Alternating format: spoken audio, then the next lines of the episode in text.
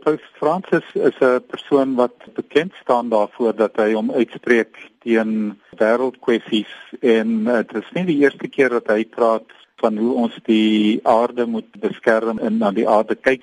As mense op die internet kyk, dan sien jy hy word reeds dwarsteer 2014 word hy aangehaal waar hy mense waarsku dat ons as die mensdom gaan nie net die aarde verniel nie, ons gaan dit vernietig en hy is ook aangehaal dat hy gesê het dat die Here vergeef, maar die aarde vergeef nie.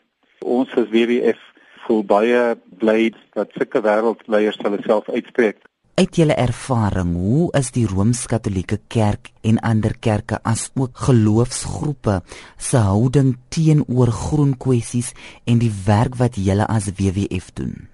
Die kerk is natuurlik nie net die Rooms-Katolieke nie, maar ook die Anglikaanse kerk, asook ons ander kerke, protestantse kerke, is oor die algemeen baie baie bewus van die feit dat ons as sogenaamde heersers van die wêreld, dis nou die mens, moet optree op 'n manier wat ook na die aarde kyk.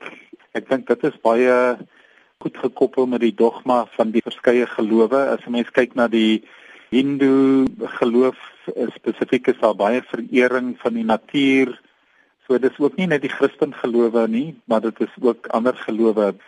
En ek dink dit is iets wat WWF al geruime tyd lank saam met die geloofsorganisasies hier in Suid-Afrika mee saamwerk. Ons doen 'n hele paar projekte saam met groep wat bekend staan as SAFC. Dis die South African Faith-Based Communities for the Environment. Dit is 'n veelgelowige groep mense wat bestaan onder andere uit rabbies, uit mense uit die moslimgeloof, Christene en meer wat saam staan en hulle baie sterk uitspreek en werk ten voordeel van ons bekamping van klimaatsverandering in die toekoms in. Die feit dat dit die paus is wat met so 'n sterk stelling uitgekom het, dink jy dit sal Rooms-Katolieke kerkgangers se houding teenoor die natuur verander?